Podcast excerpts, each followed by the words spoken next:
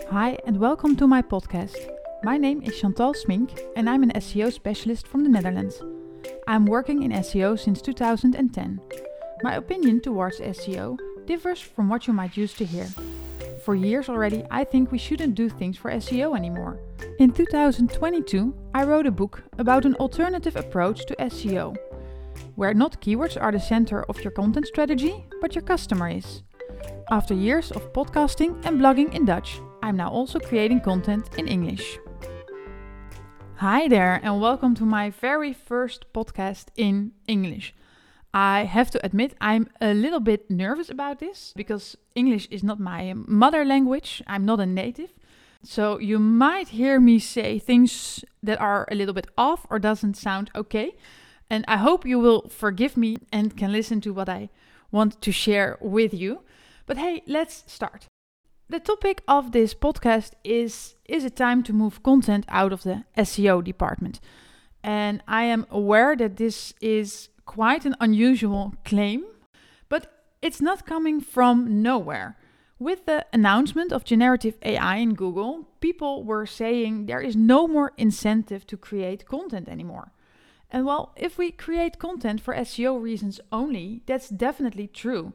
But then my question is why are we only creating content for SEO? Is it really because we only want to attract visitors from Google? I think there are way more reasons to create the best content we can, and we shouldn't do it for SEO. Visibility in SEO should be a consequence of what we are doing and not our main target. So, if we are only creating content for SEO, we are missing the bigger value of content because I think there are way more reasons to create great content. It's not only for SEO that we need it. And let's be honest, for years, the only reason for a lot of companies to create content was to publish it on the website and attract organic traffic. And the fact that people are now saying that there is no incentive anymore actually confirms this. So, a lot of companies never seemed to care about creating great content anyway. And for years, the question was not, is this interesting for our readers, but rather, is this good enough to rank in Google? And so far, Google has always rewarded this low quality content.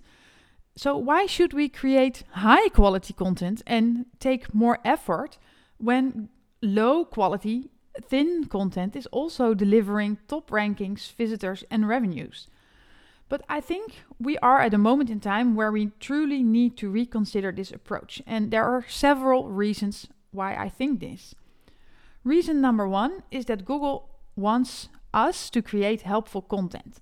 This already implies there should be another motivation for us to create it. And we can read everything about this in the helpful content update guidelines.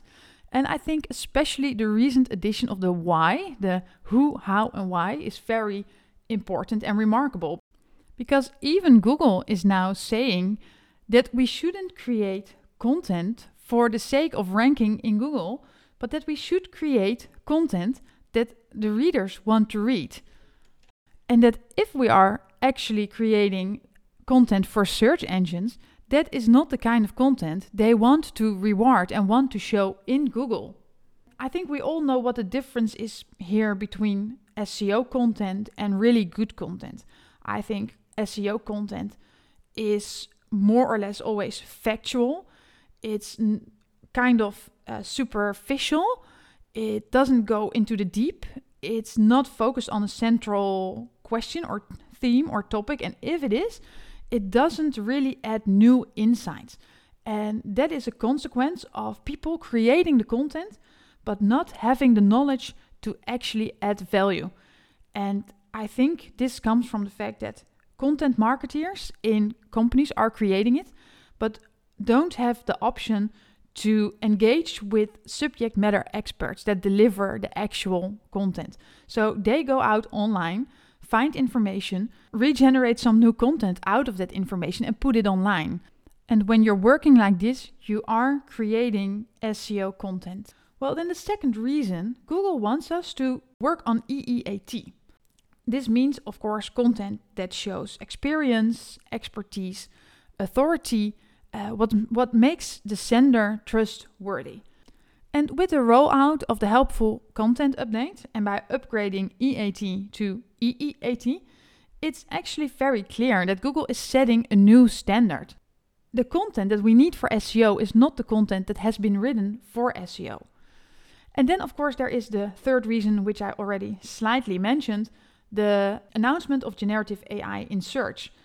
This reason is a little bit two-folded because we can expect less traffic from search engines to our website. So, when your business case is based on traffic from Google, you might encounter problems to make good business cases that can justify the investment to create content for SEO.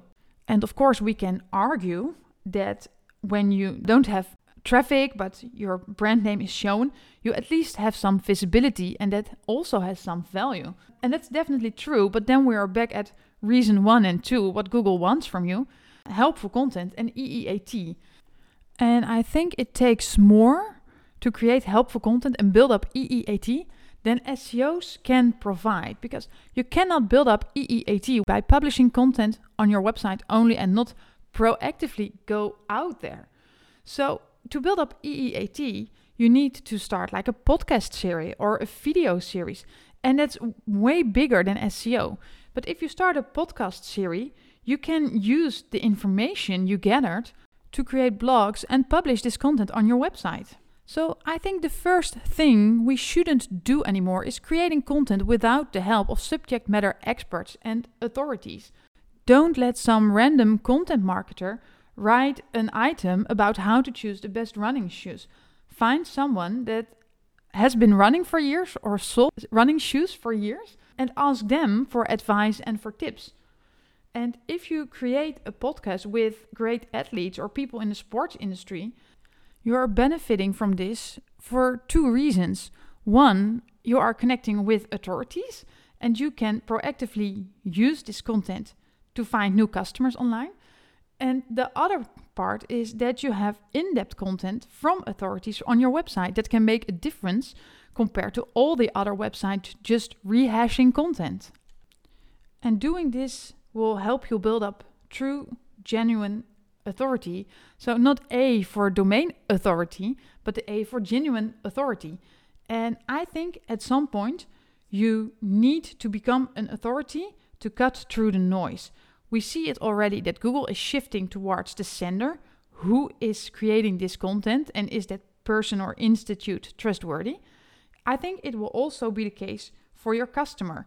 When there is so much content easily being created with all these AI tools, it also helps if the customer knows you and knows what kind of information they can expect from you and that you are not wasting their time. So you need to build up authority to cut through the noise. And to build up authority, you need great content. So, why are we saying we shouldn't create content anymore for SEO?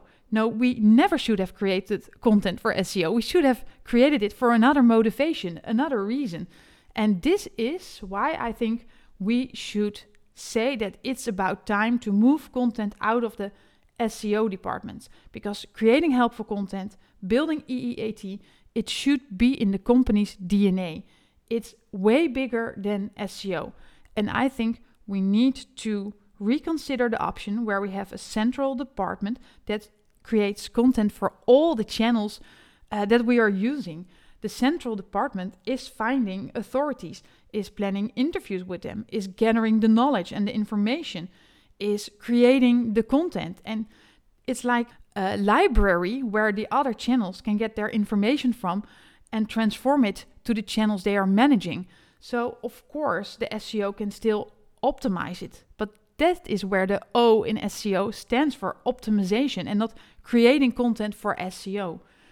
And the way that content department works, the how they define what content to create should be based on qualitative user research, getting to know your customer, finding out what they actually want to know, not doing some research in keyword tools because keyword tools are about keywords and not about the problems, frustrations, challenges, goals, uh, myths, misunderstandings, and everything your audience is dealing with every day. So get to know the customer, start identifying their knowledge gaps, their informational need, and create content for that reason and afterwards optimize it with keywords for SEO, for example.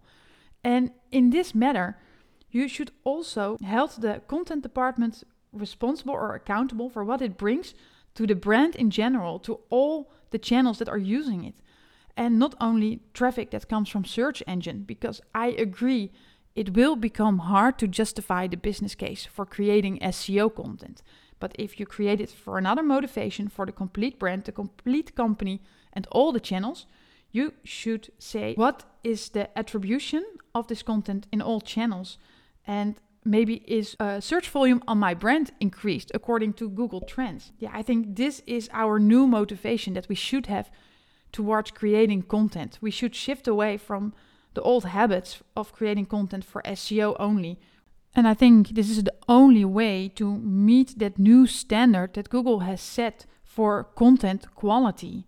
So we should find that other motivation, see that content is actually a hygiene factor for your marketing, for your communication strategy, to start a conversation with your client, to build up authority, and at some later point cut through the noise. And I think if you are working this way and taking SEO this way, you are creating a great foundation that also works for SEO. When you're working this way, I am sure your content will perform very well in Google.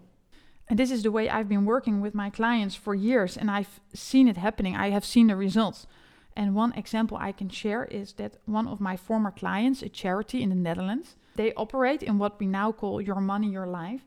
And they never focused on SEO. They just wanted to create the great content. They just wanted to help the reader, to help the, the public with health services. And long before the concept of EEAT and helpful content existed, they practiced this way of working. And so funny that everything we were creating and publishing was ranking number one in Google the next day. And this didn't have so much to do with like domain authority and links, but with genuine authority. And of course, links are part of it, but it was way bigger. They were EEAT in itself long before that. So I think taking it another way, taking another approach will help you build up genuine authority, make you a genuine expert, show that you have experience when you're working with authorities. Authorities only work with other authorities. So connect with them, engage with them, lean on them, and start building a brand where SEO is a result of what you're doing. It's the consequence of doing the right things. And I think you can only reach this when you take the creation of content out of the SEO department, when you make it the daily task of an independent department of creating the best content for the user based on actual user research, based on actual new information that you gathered by using authorities. Because it is bigger than SEO only, it's becoming a foundation for your marketing strategy. So it should be a hygiene factor in every company. So please don't stop creating content. Start creating the best content because you see that you cannot build your company without it. So I hope you like this first podcast. You can find me uh, on Instagram on at chantalsminknl. You can find my website on chantalsmink.nl or follow me on LinkedIn.